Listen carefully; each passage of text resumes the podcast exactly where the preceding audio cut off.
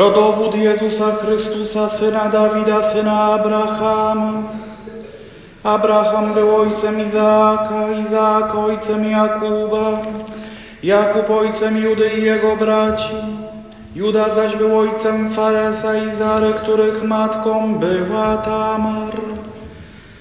Fares był ojcem Ezrona, Ezron ojcem Arama, Aram ojcem Aminadaba, Aminadab ojcem Nassona, Nasson ojcem Salmona, Salmon ojcem Boza, matką była Rahab. Boz był ojcem Obeda, matką była Rut. Obed był ojcem Jessego, a Jesse ojcem króla Dawida. Dawid był ojcem Salomona, matką była dawna żona Uriasza. Salomon był ojcem Roboama, Roboam ojcem Abiasza, Abiasz ojcem Asy, Asa ojcem Jozafata, Jozafat ojcem Jorama, Joram ojcem Ozjasza, Ozjasz ojcem Joatama, Joatam ojcem Achaza, Achaz ojcem Ezechiasza, Ezechiasz ojcem Manassesa, Manasses ojcem Amosa, Amos. Ojcem Jozjasza, Jozjasz ojcem Jechoniasza i jego braci w czasie przesiedlenia babilońskiego. Po przesiedleniu babilońskim Jechoniasz był ojcem Salatiela, Salatiel ojcem Zorobabela, Zorobabel ojcem Abiuda, Abiud ojcem Eliakima, Eliakim ojcem Azorem, Azor ojcem Sadoka, Sadok ojcem Achima, Achim ojcem Eliuda, Eliud ojcem Eleazara, Eleazar ojcem Mattana, Mattan ojcem Jakuba, Jakub ojcem Józefa, męża Maryi, z której narodził się Jezus zwany Chrystusem. Tak więc w całości od Abrahama do Dawida jest czternaście pokoleń, od Dawida do przesiedlenia babilońskiego czternaście pokoleń, od przesiedlenia babilońskiego do Chrystusa czternaście pokoleń. Z narodzeniem Jezusa Chrystusa było tak. Po zaślubinach matki jego Maryi z Józefem, wpierw nim zamieszkali razem, znalazła się brzemienną za sprawą Ducha Świętego. Mąż jej Józef, który był człowiekiem prawym, nie chciał narazić jej na zniesławienie. Zamierzał oddalić ją potajemnie.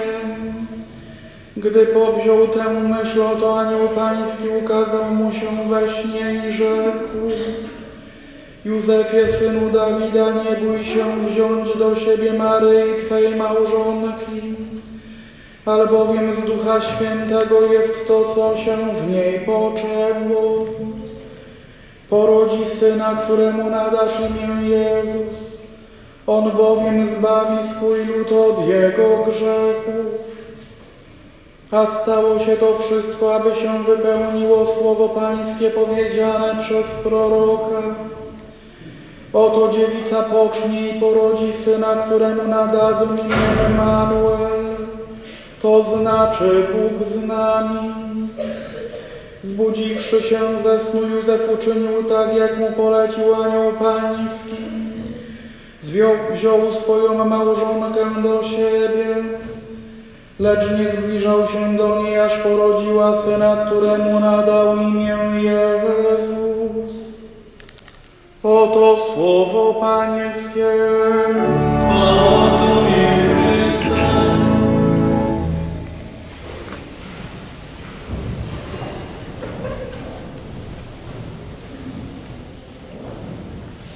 Od dzieciństwa zastanawiałem się, czemu ma służyć ta litania słów, imion. Imion, które po pierwsze już nie bardzo funkcjonują w naszym współczesnym języku, które starają się być swoistym ćwiczeniem na dykcję dla tego, który czyta albo śpiewa dzisiejszą Ewangelię.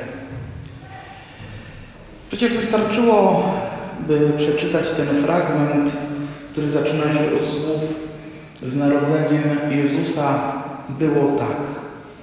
tam też wszystko jest opowiedziane.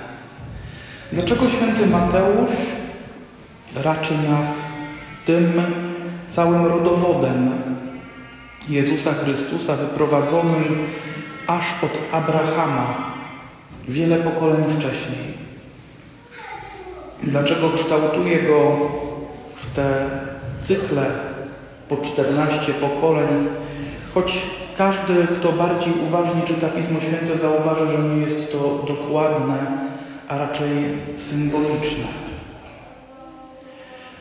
Było czymś bardzo ważnym, aby podkreślić i pokazać, że Jezus Chrystus jest wypełnieniem obietnicy, którą Bóg składa człowiekowi.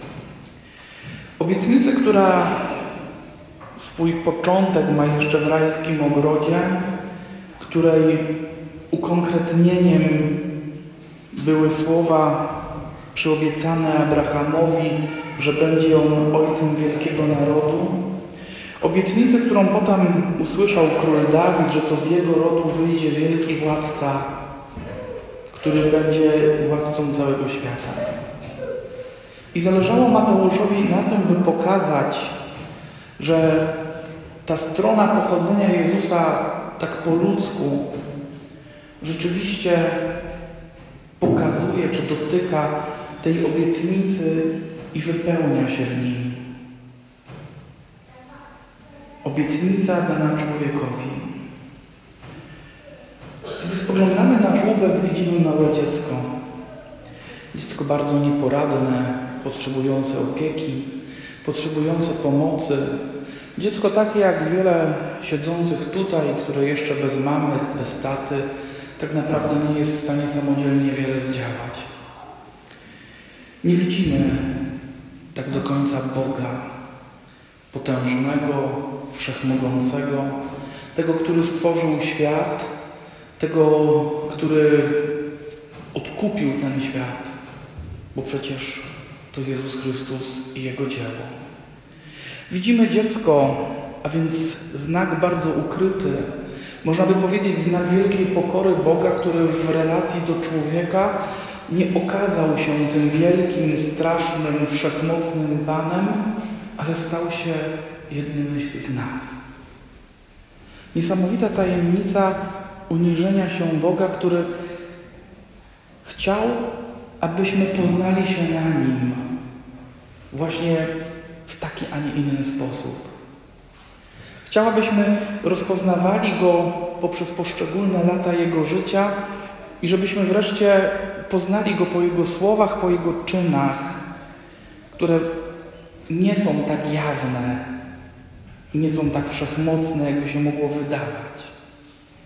I być może w tym też ukrywała się pewna trudność, że człowiek nie potrafił, nie chciał, nie, nie umiał zrozumieć, że Pan Bóg stał się aż tak bardzo bliski. Bo w tej tajemnicy ukazuje się Pan Bóg, który chce być naprawdę blisko. On nie chce być postrzegany tylko jako teoria. Nie chce być postrzegany jako idea.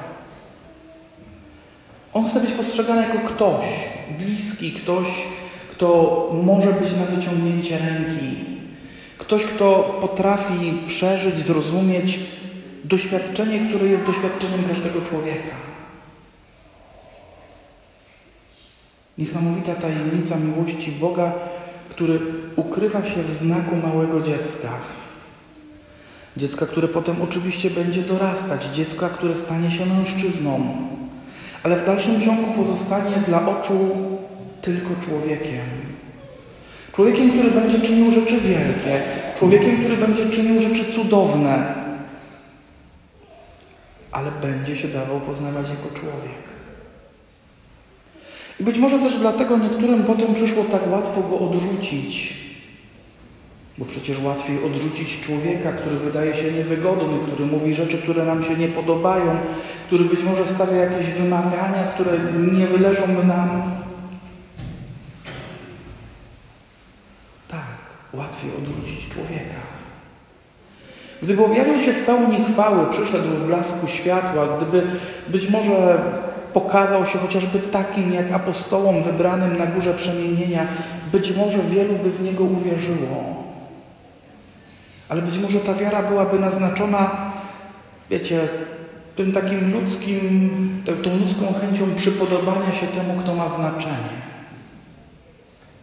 Jest coś takiego w niektórych ludziach i myślę, że to znacie, że kiedy przychodzi ktoś mocniejszy ode mnie, wyżej postawiony, jestem w stanie zrobić wszystko, żeby się jemu przypodobać.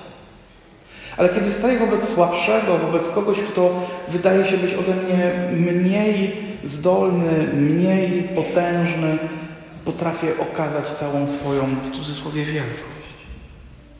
Więc Pan Bóg rzucił nam w ten sposób wyzwanie. Nie przyszedł jako wielki i potężny, bo On nie chciał, abyśmy się przed Nim płaszczyli. On chciał, abyśmy Go pokochali. A pokochać można tylko tego, kto jest słaby. I dlatego przychodzi w słabej postaci małego człowieka. Zobaczcie, mija dzisiaj te dwa tysiące lat od tamtych wydarzeń. Ten sam Jezus Chrystus przychodzi do nas, dalej ukryty w znaku słabym, małym, na pozór nic nieznaczącym. Przychodzi jako biały opłatek, biały chleb eucharystyczny, dla wielu nic nieznaczący, nie mający dla nich wartości, być może coraz częściej nazywany szyderczo wafelkiem albo jeszcze jakoś inaczej. Znowu znak pełen słabości, zadany, rzucony jako wyzwanie, aby poprzez tę słabość pozorną zobaczyć pełnię mocy i wielkość Bożej miłości. To jest tajemnica Bożego Narodzenia. Wyzwanie rzucone człowiekowi. Zobacz w moją wielkość poprzez małość, w której Ci się pokazuje. Zobacz potęgę mojej miłości w postaci, która miłości potrzebuje. Zobacz mnie nie takim, jakim chcesz mnie widzieć, ale takim, jakim ja Ci się chcę pokazać. Jezus Chrystus rodzi się. Rodzi się w Betlejem 2000 lat temu, ale ponieważ jest Bogiem, Jego narodzenie pozostaje tajemnicą trwającą już na zawsze. Rodzi się dzisiaj. Rodzi się w żłóbku, w symbolu tego, tej małej figurki, ale zrodzi się na ołtarzu, jako prawdziwy, żywy Bóg. I znowu pokaże się jako nic nieznaczący, małowartościowy, ale wcale nie, przez, przez to wcale nie mniej wielki, nie mniej potężny. Tajemnica Bożego Narodzenia, tajemnica ukrycia się Boga na widoku.